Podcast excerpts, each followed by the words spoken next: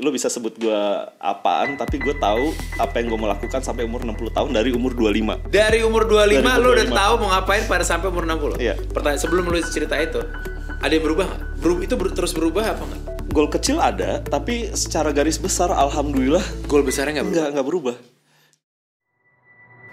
Fail Forward is a podcast program that explores the transformative power of failure. In each episode, host Christopher Tobing will delve into the best failure moments of individuals from various fields, uncovering the valuable lessons learned along the way. Di Fail Forward hari ini kita ketemu sama orang yang kalau gue nggak ngasih tau siapa dia gue harus baca karena banyak banget kerjaannya. Kita kedatangan Principal Architect of Ago Architect, co-founder Sana Studio, co-founder Sana Kopi, inisiator Sana Kenal Kota, dan juga faculty member of Podomoro University. Plus dia juga TRX trainer. Apa kabar Bi? Banyak banget kerjaan lo kayaknya. Baik Bang Topper. Ini adalah Abi Mantra, di mana Abi Mantra Pradana ini temen gue udah 10 tahun dan hari ini kita akan explore tentang what does it mean to fail, what does it mean to be successful, what does it mean to work hard, what does it mean to produce a lot of things. Itu akan kita obrolin semua di episode Fail Forward kali ini. Apa kabar Bi? Sangat baik. Benar? Ya semangat buat apa nih mau dikorek-korek hari ini. Nah, bener banyak sih. Ini pas lagi kita udah di ujung 2023 nih Iya. pas kita lagi record Uh. ini kan. Di mana artinya kalau yang gue kenal sama lo, lo pasti udah mulai refleksi nih. Betul. Dan lo udah mulai visioning. Iya. Bener gak? Iya. As a person that's what you do gitu. Jadi pak gue berharap banget momen ini pas juga untuk kita eksplor banyak tentang lo sendiri. Pertama-tama obviously dengan jumlah title yang lo punya bukan title Topi lah. Oh, topi, Topi. sorry jumlah topi pekerjaan yang lo punya gue harus tanya itu lo kerjain semuanya Kalau yang tadi lo sebutin yes. Jadi dalam sekaligus semuanya itu semua tujuh hari dalam seminggu. eh, tapi porsinya ada ya tentunya. Oke. eh. Ar- aja- arsitek eh, sana studio sana Iya. kopi sana kenal kota Iya. sama di Podomoro juga yes betul. oke dari itu semua kan lo ada banyak habit-habit apa sorry bukan habitnya sih lo punya diverse occupations lah kita Iya bilang iya. ya Hmm. boleh lu cerita nggak gimana caranya sampai akhirnya eh, semua topi tadi bisa lu lu pakai atau lu gunakan saat ini Ya, ya. Jadi kalau misalnya ngelihat topi-topi tadi itu bukan hanya topi itu saat ini. Jadi semua topi itu kan eh, sudah dijalankan dalam waktu at least 10 tahun ke belakang Oke. dan eh, sudah berkembang artinya apa? Di tahap ini gue bisa membagi eh, porsinya. Ya, Jadi kalau ditanya pekerjaan utama apa ya tentunya arsitek. Oke. Jadi eh, hidup gue adalah untuk arsitektur Ya. dan em, mendesain arsitektur dan bangunan. Nah kalau ditanya fa- Sana Studio, jadi di Sana Studio udah nggak lagi em, setiap hari gue harus micromanage. Hmm. Nah pattern yang udah berkembang selama 12 tahun itu Ya. tentunya udah bisa di pass down ke tim kan. Yes. Jadi kita cuma paling seminggu sekali weekly meeting, Oke. that's it cukup gitu. Ya. Sebagai Sana Kopi, eh, Sana Kopi itu letaknya ada di lantai bawahnya kantor arsitek gue. Benar. Jadi mau datang pas pertama kali untuk nyobain quality control, terus siang-siang dan sore, jadi udah emang pas lagi ngambil kopi sekaligus quality control dan itu jadinya. peran gue, Ya, Eh, ya, eh, ya, gitu. ya. Jadi eh, untuk kopi gue nggak tahu mungkin micromanaging eh, accountingnya gitu. Ya. Nah tapi ya quality control dan marketingnya gitu let's say. Untuk eh, mengajar di Podomoro gitu, mengajar di Podomoro terus terang mungkin satu dua tahun terakhir ini udah nggak lagi offline, tapi gue eh, mungkin sering diundang jadi kuliah tamu Ya. gitu. Jadi ya, ya kalau bisa dibilang itu udah mulai gue lepaskan gitu ya. oke Untuk inisiator kenal kota. ini lagi growing yang ini ini lagi growing, Betul, eh, kan, lagi seru-serunya sebenarnya. Dan itu kan hanya dilakukan 1 sampai dua hari dalam seminggu, jadi only weekend gitu. Dan itu cuma tiga jam maksimal eh, di pagi hari gitu. Dan biasanya kan olahraga juga anyway kan. jadi waktu olahraganya ke switch ke Switch ke situ. eh, Oke. eh. Terus kemudian eh, apa lagi? TRX trainer. TRX trainer gila gila, gila. Itu hanya satu malam dam- dalam tujuh hari itu kan. Iya, iya. Jadi kayak kenapa nggak mungkin? pertanyaan gue capek nggak Em, enggak, karena itu hal yang mungkin akan gue lakukan dan itu menjadi bagian dari eh, gaya hidup aja dan pasti gue lakukan. Kalaupun tell me more maksudnya bagian dari gaya hidup tapi jadi nggak buat capek itu gimana caranya jadi paling enggak gue punya definisi terhadap gue tuh untuk menjadi eh, apa ya pribadi yang seimbang tuh harus melakukan apa. Gue harus uh, berkarya. Hmm. Oke. Karya gue tahu gue bisa berkarya di arsitektur. Ya. Gue bisa punya uh, perpanjangan tangan karya gue di sana studio dan kopi sana Ya. gitu. Terus uh, ya dan kopi kan ya gue bangun tidur minum kopi siang-siang Ya, atau sore ya. minum kopi. Jadi kayak itu bagian dari hari-hari gue. Terus TRX dan ya kita sebagai orang yang udah rutin olahraga kan butuh olahraga itu untuk ngejaga uh, stamina lo kan. Gue terima kasih lo masih mengambil kita ya. Jadi terima kasih gue di-include dalam statement kita rajin olahraga. dan jalan jalan itu eh, nah jadi eh, waktu gue yang untuk mengajar Mm-hmm. yang udah nggak terlalu rutin itu gue pindahkan menjadi eh, menjadi storyteller sebenarnya Pada saat sana kenal eh, kota. sekaligus berjalan kaki Nah, In a way lo ngajar sih di situ. in a way itu ngajar eh, berbagi lah Iya, dan eh, di saat ini gue umurnya 40 tahun Hmm. jadi mungkin udah nggak bisa lari sesering dan sepanjang dulu lagi Iya, iya, jadi iya. berjalan adalah eh, cara eh, gue untuk tetap aktif ya Nice. sambil bisa berbagi, berkarya dan apa pun deh gitu. Mm-mm. Oke, ini semua maksudnya kan lu tadi sempat bilang by design. Boleh kita tarik balik awal nggak? Gimana caranya lu cultivate interest-interest ini dari zaman kuliah? Mungkin apa malah sebelumnya juga? Apa dari kecil lu adalah orang yang selalu diajarkan untuk berkarya kah? Atau lu menemukan jalan lu sendiri? Eh, bisa dibilang mungkin menemukan jalannya sendiri. Jadi eh, buat gue eh, penting sebagai apa ya individu untuk bisa eh, karena gini, gue orang yang senang dengan experience. Oke. Gue senang dengan cerita. Gue Ya. eh, semacam haus akan hal baru, kenalan sama orang baru, pergi ke tempat yang gak pernah gue datengin gitu. Suka itu semua. Itu su- semua suka gitu jadi eh, rasanya menjadi versatile Oke. itu adalah mungkin kata kunci yang tepat gitu jadi eh, ibaratnya kalau misalnya gue sebagai pribadi nih ya gue arsitek untuk menjadi apa ya versatile dan bisa ketemu atau memecahkan banyak hal gitu ya itu gue harus ngapain gitu Oke, Heeh, jadi gue oke. bi- harus bisa eh, misalnya dalam berarsitektur arsitektur kan banyak turunannya Ya. menggambar fotografi film eh, bicara tentang film tentang eh, sejarah budaya apa history itu kan semua hal-hal yang harus gue baca Betul. iya kan Itu yang jadi lu suka arsitek karena itunya juga. iya dan itu kan hal-hal yang ketika gue bikin kenal kota eh, apa buku-buku sejarah atau hal-hal tentang sejarah itu yang gue ceritain Iya. Benar, benar kan benar, benar. terus kemudian bicara tentang ya ketika gue harus bikin konten dalam atau nulis gitu Hmm. dalam Instagram gue atau untuk kenal kota ya itu hal-hal yang memang gue baca dan menjadi interest gue Iya. gitu kan jadi eh, untuk olahraga gitu olahraga ya emang udah nggak bisa dipisahkan gitu dalam kehidupan Apalagi sehari-hari lu di dari sana studio udah mendarah daging banget kan iya olahraga, iya gitu.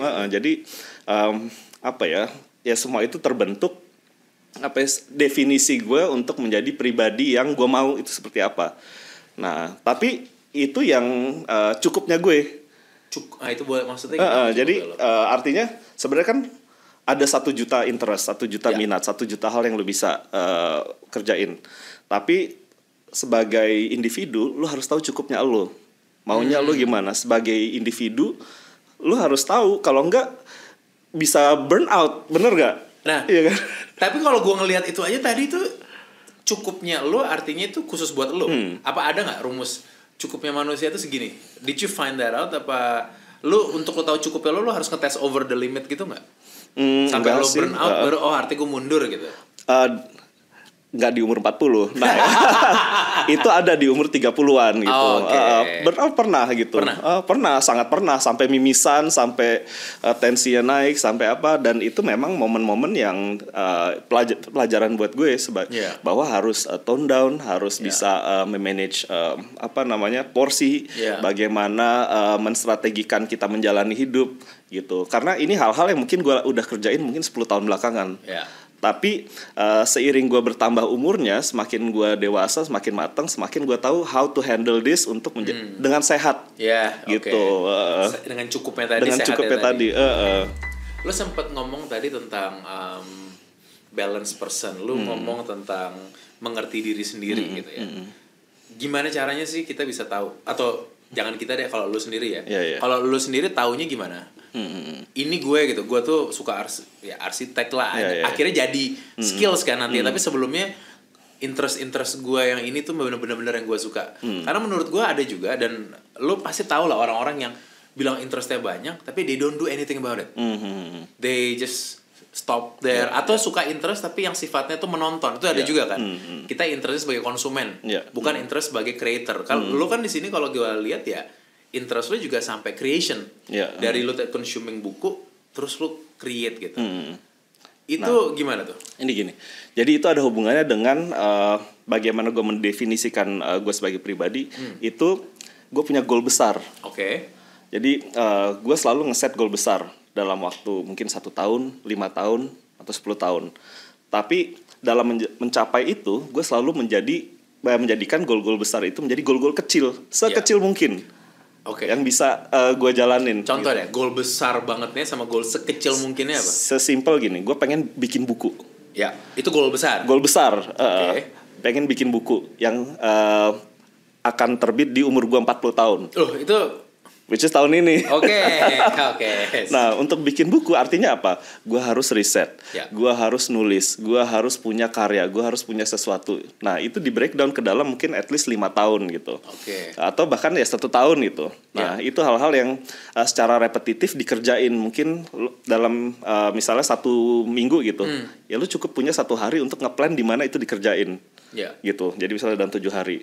Terus uh, Jadi ketika- kalau dibilang as a oh, I'm a book writer gitu, tapi Iya. bukan arti lu tiap hari nulis buku. Karena lu kalau di cara lu saat ini menulis buku pertama ini lu buatnya menjadi lima tahun plan misalnya. Iya, gitu. eh, eh. jadi misalnya untuk bikin satu buku gitu ya, eh misalnya gue tahu ini dari tiga tahun lalu, Iya, iya. jadi cukup misalnya dalam satu hari atau mungkin satu jam Iya, eh, dalam ri- untuk riset untuk nulis buku gitu. Oke. Nah untuk mengcombine eh, semua hal yang gue kerjain, jadi gue punya pemahaman gini dalam sat- satu hari itu kita punya 24 jam. Hmm. Nah kita nih hidup punya tiga eh, ruangan atau space. Iya. The first space itu tempat kita meras untuk berlindung, ketemu keluarga, uh, membangun intimacy bersama orang-orang tersayang, terkasih gitu ya. Oke. Which is itu rumah kita. Ya. Jadi uh, jangan lupa porsi itu. It- Harus ada, Itu pondasi. ya. That's the first space. Ya. Kalau kalau pondasinya nggak kuat, maka akan buyar semua. So it's family gitu Ya. Yes. ya. Lo harus tahu peran lo apa di family. Kalau lo nggak cukup kuat, bisa jadi buyar nih yang lain-lain. Space-space lain lo, Ah, apa pun itu nanti Iya. buyar. Nah, kalau uh, first space lo udah kuat, baru lo bisa biar bahas di second space lo ngapain. Second Oke. space itu di mana lo berkarya. Oke, yang pertama bilangnya apa? Nurture apa tadi? Ya Family. family. Family. Yang kedua baru berkarya. Berkarya. Nah, tempat lo berkarya kan banyak gitu. Bisa uh, ya dalam hal ini di arsitektur, di Ya, sana gua baca dan lagi tempat nah, tapi hal-hal itu kan bisa dibagi dalam ke 24 jam atau tujuh hari dalam seminggu. Iya. Bener kan? Nggak usah tujuh hari tujuh harinya gue nongkrongin sana studio bener kan? Nah, dan ada jangan lupa orang suka lupa itu ada ruang ketiga yang dia harus isi. Abis The third family, space, abis the second ber- space. ber- second space berkarya. The third space di mana dia bisa mengaktualisasi diri dan menemukan identitasnya. Jadi itu ruang di mana lo bisa bersosialisasi, Oke. melakukan hobi lo, Ya. ketemu sama orang-orang yang sepikiran sama lo atau satu vibe Hmm. gitu. Terus kemudian belajar hal baru Ya. atau ibadah Ya. atau apa pun. Jadi eh, kalau misalnya lo lihat hal-hal yang gue kerjain itu mungkin bisa jadi masuknya di Beberapa eh, third space dong. di third space. Contoh misalnya untuk kenal kota, Third space. Third space Ya. tiga jam dalam seminggu Betul. cukup kan? Dua, misalnya dua lo adalah prinsipal arsitek. Eh jadi arsitek. Jadi arsitek. Itu nomor Heeh. dua. Kedua atau bahkan hari Senin uh, meeting weekly sana studio. Itu nomor dua. Mas. Heeh. Ya. Atau bahkan cuma 5 menit 10 menit nyobain kopi setiap hari. ya, ya, ya. Tapi kan nah itu kita harus tahu topik kita seperti apa. Jadi Benar. bicara misalnya bilang oke gue adalah pe- pengusaha kopi, warung kopi. Ya. Kan nggak belum tentu gue harus uh, nguasain semuanya atau menjalankan semuanya. Kan kita punya tim. Benar. Jadi artinya uh, limit your uh, your apa ya capabilities lah atau peran lo gitu. Jadi dengan uh, lo mendefinisikan peran lo apa, ya udah di situ aja. Yang bilang cukup atau enggak itu cuma lo gitu. Yang kalau orang lain bilang kurang ya nggak apa-apa juga. ya kan? Tapi lo tahu lo itu cukupnya lo gitu. Bisa kejebak ini nggak dengan kata cukup? Kejebak kurang. Kayak lo kurang fulfilling your potential kata-katanya sekarang. Ada tin lainnya memang, Oh. tapi kan uh, balik lagi lo harus punya goals Ya. dan goals itu kan bisa direview. Ya. Jadi ketika Lo review goals semua. Pasti harus dong. Caranya gimana caranya? Caranya ya challenge aja gitu. Eh, apakah caranya gini? Eh, goal yang baik itu atau kita pribadi yang baik adalah di mana kita punya manfaat baik untuk hal yang di luar diri kita. Hmm. Jadi kalau cuma baik untuk diri lo, Percuma. ya bis bukan percuma ya. Ada. Ada ada bagiannya ya. Ah, ah, nggak apa-apa juga tapi kan buat buat gue pribadi gue punya paham ya ide yang baik peran yang baik adalah ketika lo punya peran untuk eh, sebanyak mungkin Ya. di luar diri lo Oke. gitu nah ide-ide itu cara men-challenge adalah apakah ini punya impact yang cukup baik Ya. untuk dua orang lima orang atau bahkan bisa Paham. ya seluas mungkin gitu Jadi kan. di reviewnya kayak misalnya sana kenal kota. Ini impactnya ada nggak? Iya. Ini impactnya Ah. sampai sama mana Iya. sih? Mm-mm. Oke. so kadang banyak orang tuh suka salah paham jadinya Hmm. mikirnya gue ambisius Nah, soalnya even pada saat kita setting up ini gue kasih tau buat semuanya aja ya. Pada saat kita setting up ini gue udah bilang Abi itu orangnya ambisius. Artinya mungkin Uh-uh. correct me if I'm wrong nih di sini saat ini. Bukankah lu seorang yang ambisius? eh ya itu kata yang kata yang keras ya dan gue udah udah udah di labelin itulah Pasti. Eh, pasti tapi kan eh, balik lagi gue gua orang yang tahu kadang eh, bahkan kalau gue nggak tahu maunya apa gue buat gue tahu maunya gue apa Ulang, ulang, ulang, ulang, ulang. Gue suka nih, gue suka nih. Kalau gue nggak tahu maunya apa, Iya, gue harus bikin atau gue set dan invest waktu sampai gue tahu mau maunya gue apa. ya. Itu dalam apa? Dalam menentukan goals, Hmm. dalam menentukan target. Gimana? Kapan lu bikin? Di akhir eh, kalau akhir hari kayaknya terlalu ini ya ah ini banget sih enggak enggak ya, enggak, enggak. Misalnya untuk memulai minggu, Ya. memulai tahun Oke. atau bahkan per lima tahun itu ada- Repelita ya. Repelita dan itu buat gue penting. Hmm. Lima tahun itu kalau lo jalanin satu hal itu paling nggak ada satu hal yang lo jalani selama sepuluh ribu jam. Betul. Dan itu waktu di mana lo bisa jadi baik. Benar. Gladwell tips Iya. 1000 hours Uh-uh. benar. Itu lima tahun full time work. Uh, Iya. seminggu itu seminggu lo full time adalah lima tahun. Tapi kan lo nggak harus 100% Betul. Bisa dengan 80-20 principles. Yes. Jadi lo cukup ngerjain 80% di belakang, yang misalnya riset, apa, repetitif, untuk mencapai si 20%-nya ini. Gitu. Mm-mm. Gue belum pernah mendengarkan 10,000 hours di kalau digabungkan sama 80-20 Pareto tuh. Menarik, Hmm. menarik, menarik. Itu hasilnya apa buat lo? Dengan lo melakukan hal tersebut. memungkinkan gue bisa melakukan banyak hal dalam satu waktu. Jadi ya itu tadi Hmm. Satu periode waktu. Satu periode waktu. Ya. Jadi eh, bagi misalnya untuk bikin buku tadi, Ya. kan nggak harus tiap eh, sehari mungkin 12 jam, 8 jam gue mikirin buku itu aja. Ya kan? Ya udah cukup misalnya satu jam. Hmm. Ya. Tapi lu stretch aja waktunya sampai setahun juga nggak apa-apa. Kan target-target lu sendiri. Nah, itu lo nggak bilang, aduh gue fail nih karena target gue 6 bulan, sekarang jadi 12 bulan atau jadi 2 tahun. Itu ad- oke. ca- apa? Ada perasaan failure nggak di situ? eh nah, kita bicara failures. Gue mungkin orang yang hyper optimistic person gitu ya.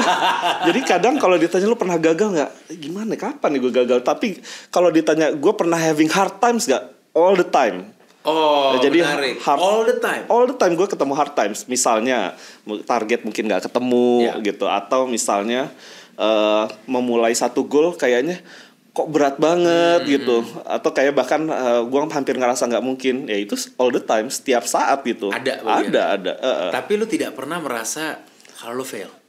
Ya itu dia salah atau enggak nggak tahu ya. Eh, eh, nggak- Ada yang menarik nih, Hmm. karena mungkin ya apa yang orang lain bilang, aduh gue lagi down banget, gue kayak failure banget. Lo simply mengatakan, sorry bukan simply ya, lo mendefine itu sebagai ini tough times, ini hard Iya, times yang harus iya. gue lewatin. I gitu. can give you examples deh. Eh, misalnya gini, eh di tahun 2020 Ya. setelah Women's 10K, ya kan? Aduh, gue inget banget momen itu. Aduh, gue inget banget bulan momen itu. Gua bulan Agustus Juli dalam satu hari tiba-tiba didatengin tit P titik N gitu ya terus dibilangnya ada pelanggaran dan segala macam dalam satu hari itu lo kehilangan bisnis yang udah lo build selama 8 tahun satu hari aja Itu hilang Gue inget hari itu. Jadi oke sana studio tadi kita punya tiga cabang Ya. jadi udah eh, ketemu pandemi gitu ya. Kita shutdown, nggak ada kelas eh, offline. Udah lagi tough times, tiba-tiba dicabut listriknya dan nggak bisa beroperasi. Dalam hari satu hari. Dalam satu hari kehilangan bisnis. Itu baru ke sana studio. Ada kopi sana. Dalam satu hari bisnis lo hilang. hilang Dua. dua bisnis hilang jadi oke kalau misalnya sana studio kita bisa ngelihat ah, masih ada positifnya it's a blessing in disguise lo ada tiga cabang kan sana studio Ya. oke satu tutup at least hilang deh eh, kewajiban untuk bayar eh, ini tapi kan buat kopi sana itu pemasukan Sa- iya. satu ya ada ada tiga cabang juga tapi yang terbesar kan di, Di situ, situ, bener. ya harus hilang Dalam satu hari nggak ada angin, nggak ada apa hilang. hilang Ya. hilang gitu modal modal nggak punya Iya. ya, gue nggak datang dari keluarga yang berlebih gitu kan dan semua modal usaha-usaha gue ini by tabungan dan nggak lewat investor gitu kan Lo putar terus aja kan. jadi gitu. em, bisa dibilang ini mungkin kegagalan ya bisa juga tapi ya gue bilang ini tough times Iya. really tough times gitu yang yang nah tapi kalau ditanya gimana ngelewatin ya tentunya karena lima tahun yang sebelumnya gue pengalaman-pengalaman yang gue pernah Gimana? lewatin? Lo melewati tough times karena lima tahun. itu bukan yang pertama kali. Jadi tahun 2016 Hmm. out of nowhere tiba-tiba dalam rentan waktu adik gue umur 32 tahun divonis cancer. Iya. Cancer kolon. Gila. 32 tahun. Suaminya dari eh, Laila Munaf, instruktur olahraga. Kami pengus usaha kami adalah usaha olahraga untuk hidup campaigning hidup sehat. Cancer. Dia kena cancer. Cancer kolon yang biasanya terjadi di usia lanjut. Dan ke- cancer kolon itu ya fatality rate-nya kan tinggi, banget gitu. Ya udah dalam satu waktu gue bisa aja kehilangan adik gue. Nah, jadi eh, ya momen itulah it- itu adalah tough times juga bisa dibilang gitu. Jadi di mana kami berempat tadinya menjalankan sana, tiba-tiba dua orang harus pergi untuk berobat. Iya. Jadi gak hanya gue dan istri gue Yurika gitu ya. Dan itu harus manage semua apa apa pun tantangannya ya, mulai banyak saingan dan segala macam gitu. Betul. Tetap kita harus terus bikin inovasi dan segala macam. Nah, tapi bisa dilewatin juga satu tahun eh, dia balik lagi dan ya kita bisa jadi satu tim yang lebih eh, bondnya lebih kuat, leb- terus kemudian bisa mikir eh, inovasi dan apa ya dan dan kita tahu cara eh, eh, itu tahu rasanya kehilangan pertama kali dan semua yang kita bangun tuh bisa hilang dalam sekejap. Nah, tapi di situ tahun 2017 Arka balik gitu ya. Dia belajar eh, meditasi. Dia mengenalkan kami dengan meditasi. Jadi dia punya self metode self healing. Eh, Qigong namanya. Ya. Nah, di ketika kita kenal kita semua nih berempat itu jadi rutin meditasi. Oke. Nah, lewat meditasi itu um, kami, gue pribadi lah, jadi tahu uh, bagaimana mendengarkan diri sendiri. Hmm. Jadi momen gue sampai mimisan ketika gue burn out itu di situ. Pada saat mereka Pada- lagi pergi lagi pergi, gue harus uh, jadi arsitek, Ya. jadi apa nyap kopi sana baru mau buka, terus sama uh, sana studio, sampai mimisan. Tapi gue harus bilang ya, pada saat itu, gue tahu it was tough Hmm. times buat lo. Tapi gue nggak nyangka, karena lu lu orangnya senyuman kan. Iya. Maksudnya lu portraying, gue nggak bilang lu portraying semuanya kelihatannya baik ya, tapi somehow kalau gue ketemu lu, it's still a positive vibe. Iya. Gue masih merasa lu memberi tetap portraying positive vibe rather than misalnya kita ketemu kayak gila parah banget gue nggak mau ke aduh gila lagi. Gue nggak merasakan ada Iya, itu iya. unless pada saat ngomongin itu tapi in a consultation yang apa ya what to do next ya? What do what do we have to do ya? Iya, apa yang kita ngobrol produktif loh gitu tapi kayaknya gue emang begitu. Jadi eh, sebagai pribadi ya mungkin kalau di sekarang dibilangnya it- ada yang bilang toxic bisa jadi toxic positivity karena gue nggak pernah ngasih lihat kalau gue tuh lagi susah. Sengaja by sengaja nggak ada yang boleh lihat. Heeh, nggak ada itu yang- by itu karena keputusan lo? Karena keputusan gue. Oke. karena ya mungkin juga karena gue anak pertama ya dan cucu paling tua di keluarga gue eh, gitu ya di both sides lah Eh, Hmm. Oke. gue anak laki-laki paling tua gitu ya bukan karena laki-lakinya ya bisa Karena- salah iya, nih iya, iya. nah eh, jadi ya entah kenapa gue terbiasa nggak ngasih lihat eh, Oke. jadi kalau gue eh, apa ya lagi lemah atau apa nggak ada yang bisa nggak bisa bisa nggak ada yang tahu gitu jadi ya udah senyum aja gitu Tapi kalau dari support system lo sendiri yang melewati jadi bukan failure times ya tapi tough times. Lu punya support system itu? tentu adalah istri gue Hmm. kayaknya gue sampai di momen itu gue sadar mungkin istri gue emang diciptain buat gue Wah, gila. Momennya adalah pada saat pada saat lagi susah susah. pas susah heeh. pas susah gitu gimana dia apa ya ya udah ada di sebelah gue aja kan lu kenal Yurika ya dia Kenal, nggak banyak kenal. ngomong nggak mau tampil Nggak, atau apa heeh. Behind the scene person. Eh, even bahkan dia cenderung punya uh, tough opinions yang susah sekali disenangkan gitu ya kan tapi itu yang membuat gue terus maju terus Ya. bisa berdiri tegak atau apa ya udah itu Mm-mm. Wah ini kalau di repeat diulang nih seneng banget nih. Tapi gue dari situ tanya, eh lu sendiri ini karena karena gue melihat bahwa we create our own, gue believer juga we create our own support system. Arti create itu eh, tadi ya memang istri lo diciptakan, misalnya believe lo istri lo diciptakan buat lo, tapi in a way kan lu nurture juga to make sure that lu support one another, Iya, saling jaga iya. gitu ya Heeh. yang lo lakukan to make sure lo punya support system dalam tough times itu apa aja? Artinya ke Yurika tuh gimana atau ke ada lagi nggak yang lain? dialog Heeh. Eh, ketika gini ya kita tahu energi se- seseorang itu nyambung sama kita ketika kita itu ketika kita ajak dialog Ya, I feel click with you ketika Nah. kita bisa dialog panjang Ya. mungkin lebih dari setengah jam sejam gitu Betul, iya betul. kan Dan begitu itu hal yang gue lakukan sama istri gue istri gue nggak banyak ngomong tapi ya gue pelan-pelan gue ajak dialog apa Ya, nah itu ya. cara in a way cara gue melepaskan stres atau beban dan uh, menggali solusi yang mungkin gue nggak kepikiran itu Hmm. jadi hal-hal kecil yang uh, tercipta lewat dialog itu penting Hmm. dan uh, buat gue penting adalah orang mengerti bahwa cara untuk menjadi resilient terhadap uh, beban itu adalah membaginya Cara menjadi resilient terhadap beban adalah membagi. membaginya dengan orang lain. Ya. Jadi nggak meski ya lo lihat misalnya gue oke gue menyembunyikan uh, uh, beban-beban gue, tapi pasti gue bagi sama orang Ya. apa pun caranya Karena mungkin gue malah mau bilang bukan menyembunyikan, karena lo memilih kan. memilih ya. Siapa yang lo bagikan beban Iya, itu iya, jadinya kalau lo bilang membagi ya, karena maksudnya ada customer datang ke sana Iya. kopi kayak Mas Abi, aku ambil kopi ya gitu. Jadi aku mau cerita, itu kan nggak mungkin. Gitu kan. ya. Tapi cara lo memilih sekarang gimana? Um, Apakah harus istri, suami, ataukah harus itu? by design lagi. Hmm. Jadi lo emang tahu sendiri, uh, lo harus tahu sebagai individu gitu ya, lo punya goals, lo Iya. punya banyak kegiatan, tapi lo harus tahu lo punya safe net. Oke. Ke mana lo harus berlindung?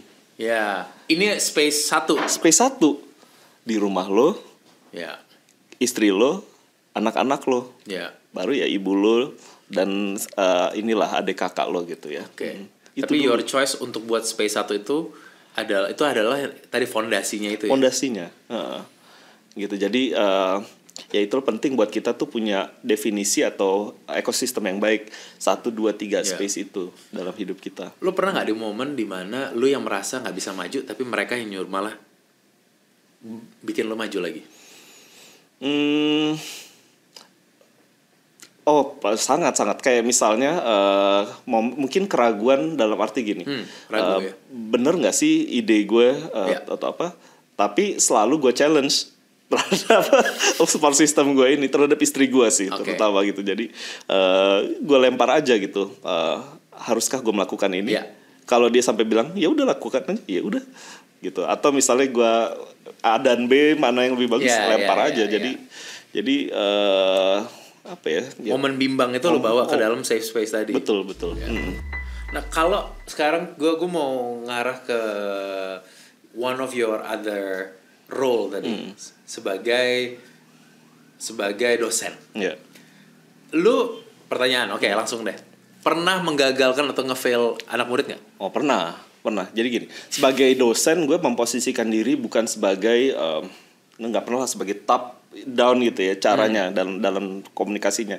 Gue sebagai mentor yang eh, membangun sama-sama dan mungkin lulus lebih dulu. Karena apa? Sebagai dosen arsitektur, waktu gue sebagai dosen satu mahasiswa itu mungkin cuma empat tahun paling Iya. lama. Bener gak? Bener, bener. Setelah empat tahun dia jadi sejawat. Iya. Iya nggak? Udah Jadi langsung selevel. Langsung satu level gitu. Jadi artinya em, nggak pernah menjadi superior Iya. dan memposisikan diri sebagai eh, orang yang superior. Jadi eh, yang gue lakukan adalah eh, di awal selalu di awal eh, kelas pasti gue bilang saya di sini sebagai mentor Hmm. yang akan di sebelah kalian. Saya nggak akan apa ya, nggak akan nge- mematahkan ide-ide kalian.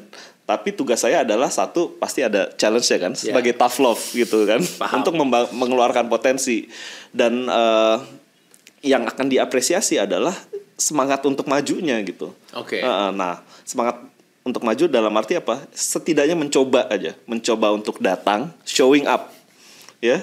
Ke Ya. kelas-kelas dengan Ya. baik, semangat untuk eh, datang ujian tetap wak- tepat waktu, Ya.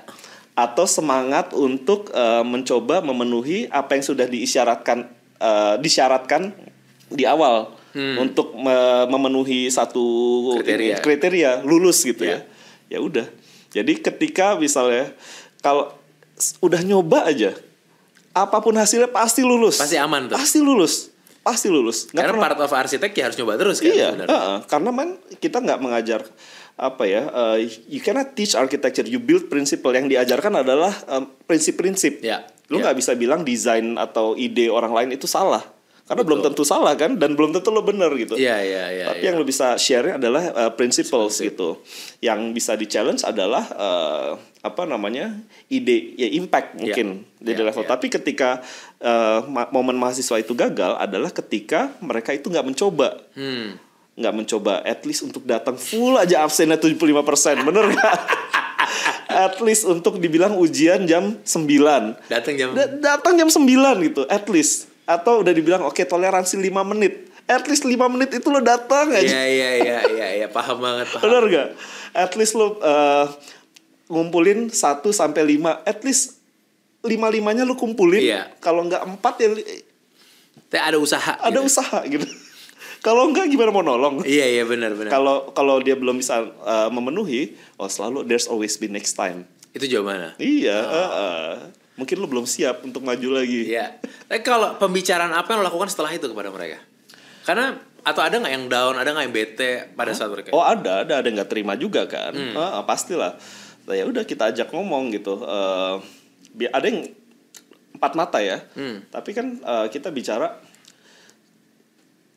realita aja ke depan eh, baik hidup ataupun karir lo ataupun apalah yang langkah-langkah kita nggak akan tambah mudah gitu Iya. ya coba flashback lagi dari TK sampai kuliah sekarang pernah nggak hidup lo makin gampang Enggak lah. ya udah ya, ya itu jawabannya gitu kan Eh, jadi kalau misalnya eh, untuk ini aja lo nggak mau mencoba Iya. gitu ya dan eh, yang yang berkorban untuk eh, satu mahasiswa untuk tetap kuliah itu kan banyak orang tuanya Iya. dosen-dosen yang ngasih energi setiap slides yang di setiap slides itu kan juga punya Dibuat energi loh, dibuat gitu. gitu nah itulah ketika Iya. lo nggak bisa appreciate eh, present moments dan orang-orang yang nggak kelihatan dari dari eh, apa yang lo jalanin gimana lo bisa appreciate dan overcoming semua challenge Hmm. ke depan gitu buat gue ya itu penting gitu jadi kuliah itu bukan hanya lo mendapatkan nilai tapi you're here to to be prepared for the next Ya. stages gitu dan itu tugasnya dosen Jadi justru dengan lo memberikan failure itu kepada dia, itu hopefully bisa membuat dia hopefully punya life lessons yang bisa dibawa. kan? iya heeh. Kalau wow, gua gua lagi gua- coba coba dosen gua kayak lu ya. kalau selama gua datang aja kayak gitu. Tapi ini nih, kalau dari segi eh, tim lo sendiri, kan tadi kan ke Iya. mana? Dos, Itu berbeda nggak cara lo memberikan feedback kepada murid? eh, Karena ah, sama cara lo memberikan feedback kepada tim arsitek lo. Karena yang satu ada tugas gitu. Sementara di tim lo setiap selalu tugas lo ada terus dan klien punya kan karena lu serving Iya, klien iya, ya klien pasti iya. punya banyak request macam-macam jadi ide ditolak dan lain-lain itu terjadi kan terus terang nggak berbeda. Jadi eh, boleh di cross check ke timnya Ago Architects. Nah eh, kebetulan punya partner yang satu visi juga Oke. gitu. Jadi kami posisikan diri itu sebagai mentor. Itu ketika mereka direkrut dalam interview kita bilang eh, culture eh, culture tim Ago adalah kami berdua ini bukan bos kalian nanti kalau Iya. terima. Kami adalah mentor. ya Jadi eh, apa gunanya apa tugasnya mentor?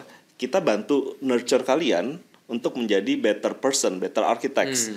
Dan uh, we're preparing you to for the next stage. Ya. Apa pun bentuknya. Jadi harapannya kita bisa growing sama-sama di sini. Nah, apa yang dilakukan? Jadi eh, ya tentunya kan nggak boleh omong kosong ya. Ya, pasti, Kayak kita pasti, bilang mentor, pasti. mentor apa gitu. Ya, ya, Bos-bos juga kasih tugas.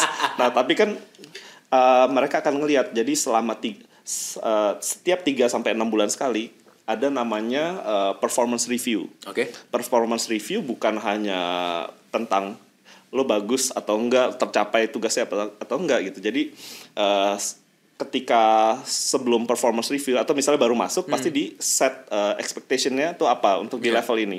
Jadi di performance review adalah uh, yang dibahas untuk satu tahap uh, ini bisa nggak dicapai gitu ya. Oke. Tapi nggak hanya mereka, kami sebagai principal atau mentor sudah baik belum uh, mengerjakan Iya, tugasnya? iya, Apa yang harus di di, di dikasih lebih gitu. Oke, kalau nah nanti kita bilang kalau misalnya ini sudah tercapai next enam bulan atau se- setahun berikutnya adalah uh, level berbeda lagi. Jadi peran yang mereka terima itu juga akan bertambah gitu. Jadi Oke. uh, mulai dari yang tadinya misalnya tugas awalnya itu menerjemahkan sketsa menjadi model tiga dimensi bangunan.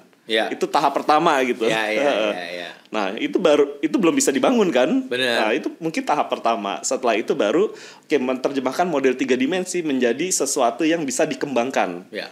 Jadi dari satu bangunan bisa jadi gambar prarencana namanya. baru oke. pra ya. Belum, ini belum nih. belum jadi gambar kerja kan? Oke, Itu dulu dengan iya. baik gitu.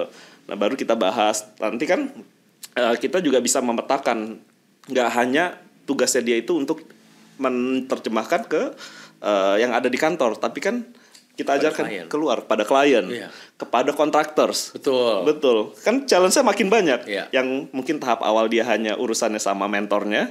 Tahap kedua dia mulai sama klien. Tahap ketiga mungkin sama eh eh, klien mungkin belakangan kali ya. sama kontraktor Iya. gitu ya. Terus mungkin tahap berikutnya mulai multidisiplin, nggak hanya kontraktor, ada landscape architect, ada mechanical electrical, ada eh, segala macam manajemen project, baru sampai terakhir, oke, lo bisa ketemu raja terakhir nih, the clients. Jadi ya itu sih yang kita lakukan Ya, ya, eh, ya. apa? Apa ada ada stagesnya, ada apa dan kita jadi kayak sekolah kan? Iya, benar. Nanti terus di review mau lanjut apa enggak segala macam dan kita tahu jadi arahnya berkembangnya mereka tuh seperti apa. Pernah ada creative blocks nggak? Mungkin buat lo sendiri gitu. Di mana lo kayak, udah gue gak tahu harus desain apa. Gue bener-bener bingung desain apa kayak keblok gitu loh. Gak boleh ada sih. Gak boleh ada. Tugas lo adalah to make sure tuh nggak ada ya. Itu Tapi tugas- pernah ham- atau pernah ada momen stuck nggak atau gitu? Nah itu lagi balik lagi ke gue yang uh, hyper optimistic. Jadi ketika gue tahu ini akan datang, yang dilakukan adalah prevention. Itu lo bisa tahu creative blocks akan datang. Ah bisa tahu dong. Gimana caranya? Mungkin tugas uh, project atau challenge yang mungkin gue nggak pernah hadapin sebelumnya. Oh oke, ngerti Iya. paham. Iya make kan? sense, make sense. Jadi kayak Ya. lo nggak tahu mau ngapain pernah Ya, kan? betul. Dari sebelum itu datang, berarti lo harus punya resiliensi. eh, resiliensi. Nah, resiliensinya tuh apa? Ya satu diskusi, dialog dengan partner lo, Hmm. Ya. gitu. Kalau masih belum cukup juga, ya dialog sama satu tim. Betul. Nah, Oke. kalau belum cukup juga, coba tengok tetangga gitu. Iya, iya, iya, iya, iya. ya jadi artinya apa? Eh, challenge-challenge atau mungkin kegagalan Hmm. kita bisa bilang ya mungkin orang bilang ini kegagalan tapi gue bilang ini adalah tough times Tough itu times. membuat gue untuk punya growth min- mindset dan resiliency Ya. jadi sebelum itu datang jadi gue tahu nih apa yang harus disiapkan ke situ Kalau lu nggak pernah mengalami failure atau tough times tadi, nggak bisa Mm-mm. Gitu. dan eh, artinya gini sebagai eh, professionals Ya. Pasti kita kan nggak mau diam di tempat. Pasti selalu ingin ngambil eh, ya kita masih masa produktif. Ya. challenge mungkin lebih besar lebih besar karena balik lagi kalau lo nggak ngambil challenge yang lebih besar berarti diam di tempat dong. Hmm. tapi kan pertanyaannya gimana cara ngambil challenge yang lebih besar kalau sebenarnya lo belum pernah hadapin gitu kan? Iya. nah ya itu.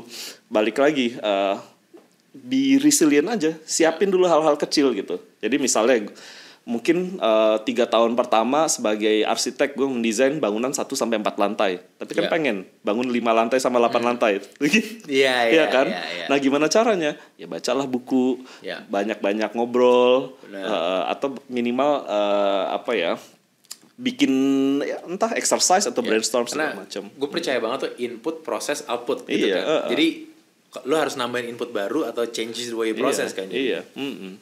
Kalau dari situ, kalau tadi kan lu bilang creative block bisa di prevent gitu ya. Hmm.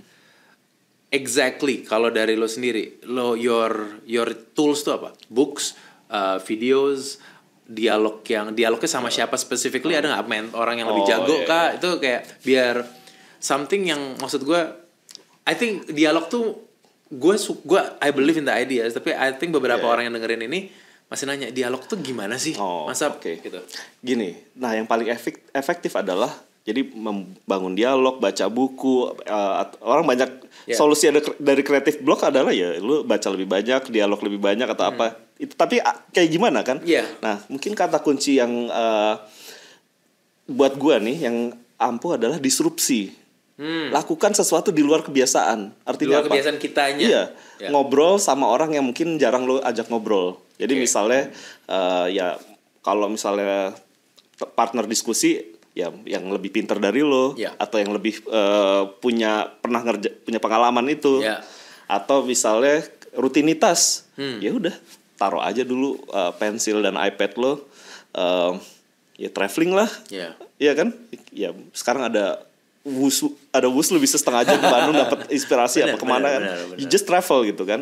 Atau eh, ya olahraga Ya. gitu. Jadi eh, ketika creative blocks muncul ketika kita mungkin inputnya nggak berkembang. Hmm. Jadi dan ya udah itu itu aja terus. Jadi artinya yang gimana mau berkembang orang inputnya masih di situ-situ aja.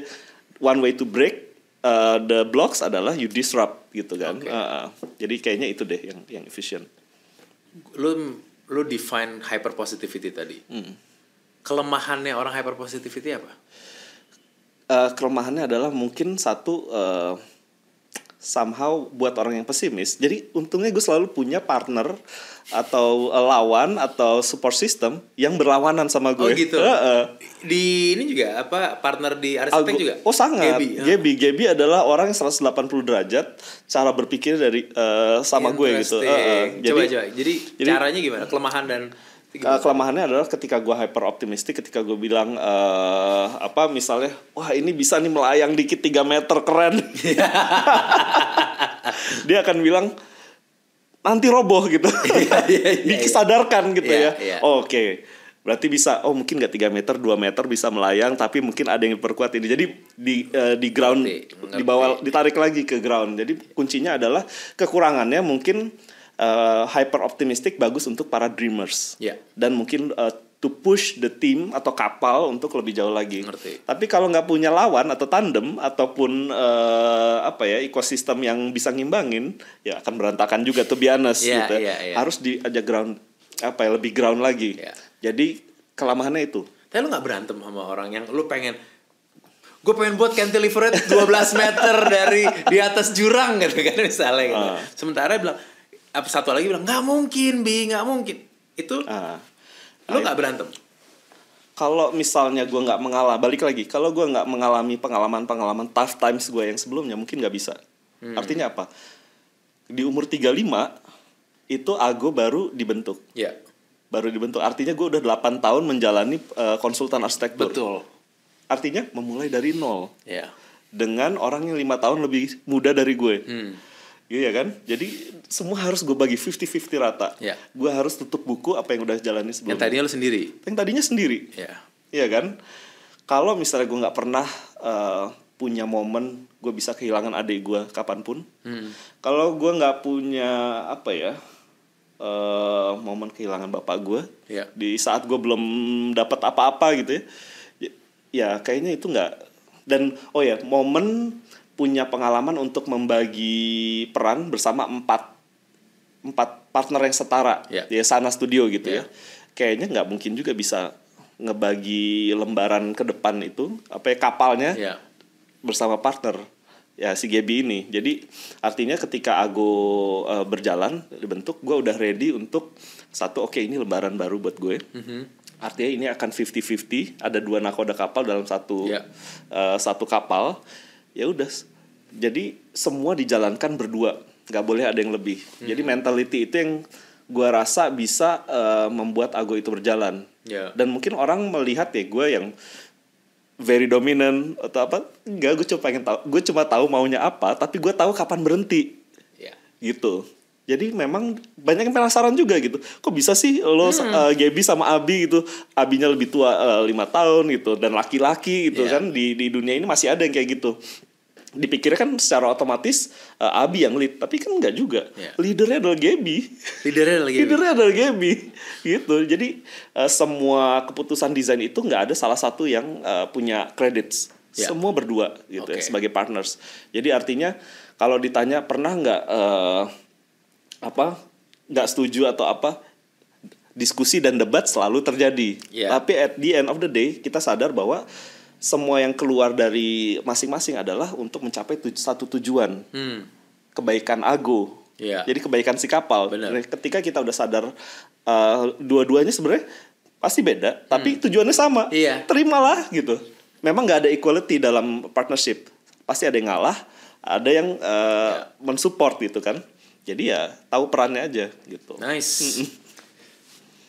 Lu tadi bilang punya game apa lu punya visi lima tahun setahun ke Oh, depan. iya, iya. Ada yang bisa lu share gak? Visi-visi yang lu boleh Oh, iya, share iya. publicly. ada ada. Jadi memang oke, lu bisa sebut gua apaan, tapi gue tahu apa yang gue mau lakukan sampai umur 60 tahun dari umur 25. Dari umur 25 Dari umur lu udah 25. tahu mau ngapain pada sampai umur 60. Iya. Pertanyaan sebelum lu cerita itu, ada yang berubah nggak? Berubah itu ber- terus berubah apa nggak? eh terus gol kecil ada, tapi secara garis besar alhamdulillah Gol besarnya nggak berubah. nggak berubah.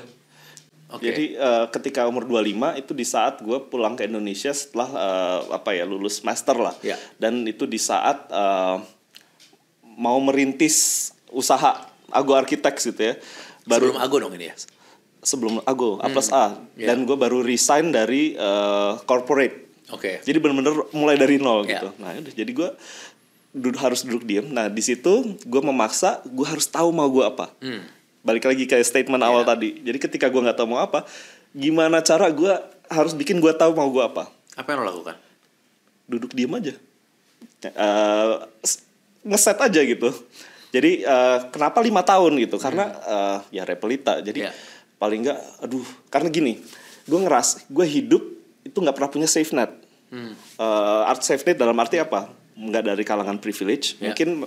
Tapi gue bokap gue dokter gitu. Ya bukan berarti gue susah gitu ya. Iya, iya, iya. Eh, artinya kalau misalnya gue jadi arsitek, gue nggak bisa mengandalkan klien atau network bokap gue atau keluarga gue atau kekayaan keluarga gue untuk untuk memulai gitu Iya. kan. Nah, jadi artinya harus di, di create kan. Iya, iya. Nah gimana cara nih create? Jadi paling nggak, oh gue harus tahu nih 25 sampai 30 tuh apa yang gue kerjain dan paling possible tuh gue mencapai apa kayak 30 sampai 35, 35 dan segala macam. Dan eh, apa yang harus di di create gitu ya, di balik tadi Hmm.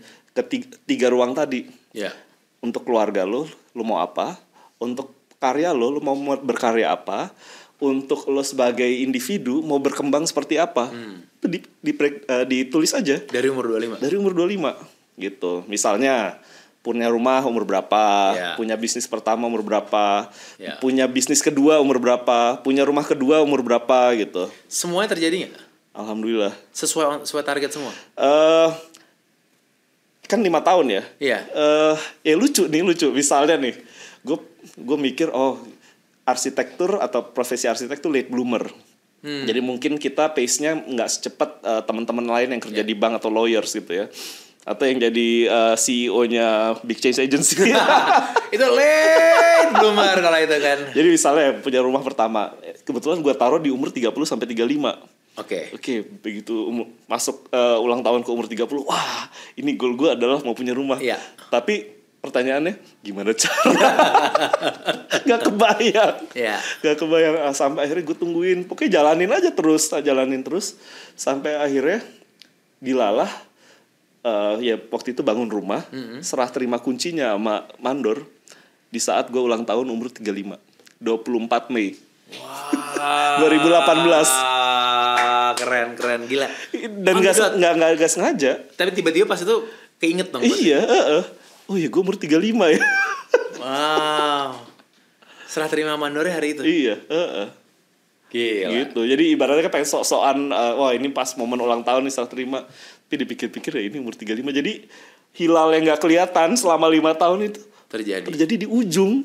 Ya, karena Iya. daily-nya itu. Ya, ya Tuhan, jalan Tuhan Ya, balik lagi. benar. Mungkin Benar. eh, belum saatnya lo punya ketika umur 30, 31, 32, tapi ya baru pas ujungnya umur 35. Jadi satu hal lagi ya lo harus percaya ada the greater power Ya. yang nge-drive ini semua gitu dan tahu mana yang baik banget. dan buruknya buat lo gitu kan. Benar Ya banget. Tuhan itu. Benar, benar, benar, benar. Oke.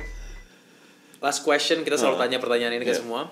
What does fail forward mean to you? Oke, eh, mungkin ada tiga kata kunci ya. Jadi artinya eh, menjadi gagal atau ketemu tough times itu bukan apa sesuatu yang apa ya uj- akhir. Iya. Nah, tapi uh, fail forward buat gue adalah satu kita bisa menjadi uh, berkembang, Iya. growth through failures. Iya. Karena kita selalu berpikir solusinya apa, solusinya, solusinya apa. So next time you get that uh, tough times atau failures, atau bahkan sebelum failures itu datang, lo udah bisa overcome Ya. dan lo bisa muncul resiliency Nice. tadi kan. Iya. Jadi uh, through failures lo bisa uh, growth dan lo bisa resilient. Iya. Dan yang ketiga lo bisa uh, ini to be better. Hmm. Jadi each failures, each tough times itu sebenarnya small steps atau anak tangga Iya. untuk lo tuh just to be better. Dan being better is what is important. Bener gak? Nice. Bi, thank you banget ya. Ini apa lots of golden gems di sini dan I think buat kita ini gue senengnya karena ini kita nutup uh, our last production for 2023 dan 2024 kita akan maju lagi tapi dari tadi aja kita pun punya banyak PR how to do repelitnya kita apa nih di sini. Dan gue umur 40 tahun, berarti gue udah harus ma- masuki Artinya udah ada nih 40 45 udah ada. nih. 40. Jadi gue udah mikir ah, gue tua di mana. Beda lagi. Oh. Oke, ini ada sebuah hal yang gue tahu tapi kayaknya nggak boleh di spill saat Ya, ini. nanti tapi aja ya. Kalau sampai ini terjadi di dalam 45 tengah depan, kita akan panggil Abi lagi karena dan gue akan ngambil momen ini untuk ngingetin bahwa lo akan tua di mana di 4045 dari kita di Fail Forward kita aminkan semoga ini terjadi di dalam season Dan ini. lucunya gimana? Terjadi di tahun gue umur 40. Oh. Gue tahu gue tua di mana. Iya, iya, iya. Dan udah, ya jawabannya udah terjawab sih itu ya di mana. Dan nggak nggak ini loh, nggak kayak gue harus nggak kayak one thing leads to another. Iya. Lo tiba-tiba nyampe gitu. Ya, ya. Thank you so much, Bi. Sama-sama my pleasure. Thank you ya.